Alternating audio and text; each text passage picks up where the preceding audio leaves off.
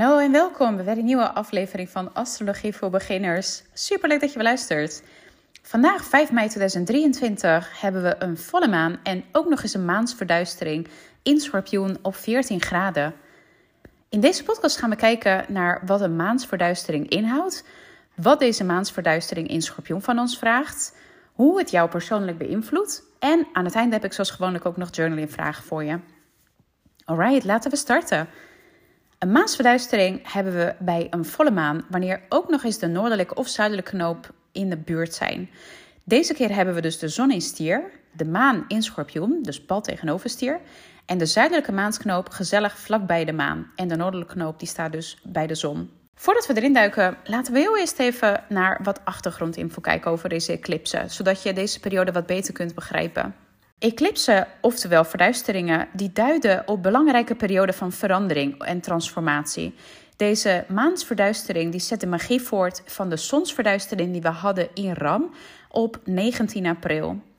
Het maakt ook deel uit trouwens van een reeks van zeven verduisteringen die plaatsvinden op de as van stier en schorpioen.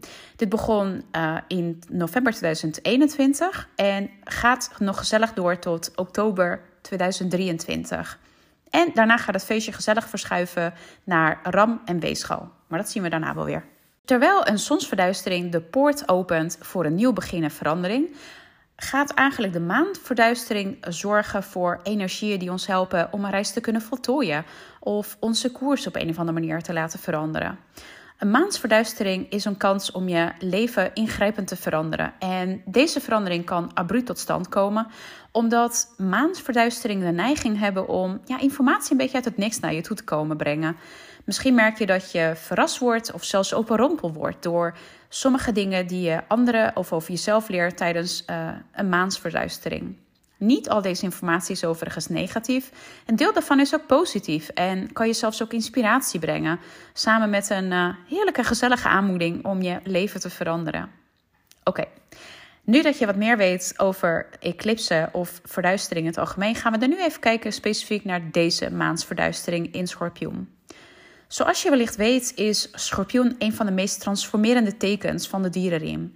En in combinatie met een maansverduistering wordt deze ja, wordt dit een krachtige tijd voor openbaringen, voor veranderingen, voor enorme psychologische doorbraken.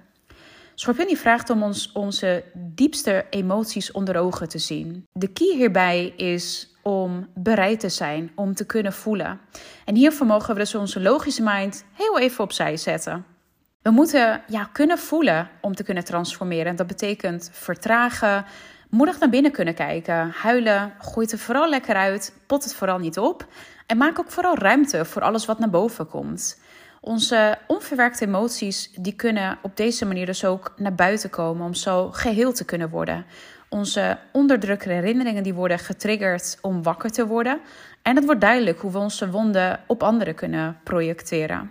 Deze eclipse is een krachtige tijd voor schaduwwerk. Transformatie begint met de confrontatie met wat er nu gebeurt. Dus het kan een uitdagend en ongemakkelijke tijd zijn. En ja, behoorlijk zenuwslopend om ja, heel eerlijk naar je onbewuste neigingen te kijken. Dat is uh, ja, niet bepaald dagelijkse kost als het ware. Althans, voor de meesten. En schorpioen die wijst naar wat er zich onder de oppervlakte bevindt. Wat je eigenlijk al die tijd onder het tapijtje hebt gestopt. Wat jou nog steeds beheerst, zelfs als je het eigenlijk niet erkent. En deze keer hebben we ook nog gezellig Uranus en Mercurius in de mix. We worden dus aangemoedigd om met onszelf en met anderen te praten. Om doorbraken, uh, over doorbraken die nodig zijn in ons leven. Uranus die helpt ons om oude patronen te ontrafelen en bloot te leggen. Alleen de manier waarop Uranus te werk gaat, is vaak wel door plotseling en wellicht schokkende ervaringen. Uh, ja, brengt het wat meer met zich mee, die ons wat meer kunnen doen wankelen. Mijn advies is: sta open voor informatie die op je afkomt deze, tijdens deze eclipse, zodat je bevrijd kan worden van oude patronen die je ja, zeker niet langer dienen. En aangezien de maan tegenover Mercurius in retrograde zit, mag je ook voorzichtig zijn met je woorden in deze periode. Want Mercurius in retrograde kan voor miscommunicatie zorgen en verkeerde interpretatie. En nog heel even terug naar dat loslaten gedeelte. Want ja, loslaten kan best wel intens zijn. Loslaten kan een beetje intimiderend zijn, een beetje eng, een beetje verdrietig. Maar Ik wil je eigenlijk helpen om een ander perspectief te krijgen op dit hele loslaat-idee. We laten namelijk pas iets los wanneer we er klaar mee zijn om zo verder te kunnen gaan. Het is niet iets wat we dus nog nodig hebben in ons leven, dus daar mogen we ook gewoon echt afscheid van nemen. Er kan verdriet zijn, en, want ja, weet je, er is zeker niks oppervlakkig staan aan deze periode. En de les is zodat we kunnen transformeren en het helingproces te kunnen doen. Schorpioen op zijn best is de healer. En om te kunnen helen, moeten we kunnen kijken naar de schaduw, de duisternis, waar we dus geobsedeerd door zijn, waar we ons aan vastklampen. Ja, het kan heel intens zijn, dus laat de traan ook vooral lekker stromen. Houd het vooral niet tegen. En als er gevoelens opkomen, neem dan ook de tijd om ze even ja, door je heen te laten gaan. Journal, mediteer hierover. Vraag jezelf af wat je voelt en wat, je, ja, wat dit gevoel je helpt om te kunnen begrijpen over jezelf. Geef jezelf even de tijd om alles ja, wat in je leven zich voordoet, om dat te verwerken. En vermijd ook het nemen van overhaaste beslissingen op dit moment. Dit is zeker nu niet de tijd om in actie te komen. Dat komt later wel. Als je gaat uitzoomen in het kader van waarom overkomt mij dit? Waarom, waar is dit voor nodig? Het doel is eigenlijk om je meer in lijn te brengen met waar je hoort te zijn. Dus het is korte termijn pijn, lange termijn genot. Nou, en nu is het heel interessant om te kijken hoe beïnvloedt deze eclipse jou persoonlijk? Nou, kijk hiervoor even je astrologiechart. Als je deze nog niet hebt, haal vooral deze even op op astro.com. En kijk dan even, schorpioen op 14 graden, in welk huis valt het?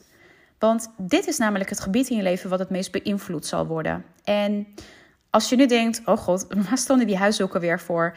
Ik heb hier een podcast over opgenomen, dat is nummer 49. Of je kan het ook even nalezen op mijn blog. Als je geen zin hebt op een hele podcast te luisteren en even snel uh, je huis wilt checken. Ik heb het linkje hiervoor in de show notes toegevoegd. En mocht je er niet helemaal uitkomen, stuur me vooral even een DM via Instagram. Dan kan ik hier even mee helpen. En onthoud, het gaat niet alleen om het huis waar deze clips in valt, maar het gaat ook om meerdere factoren.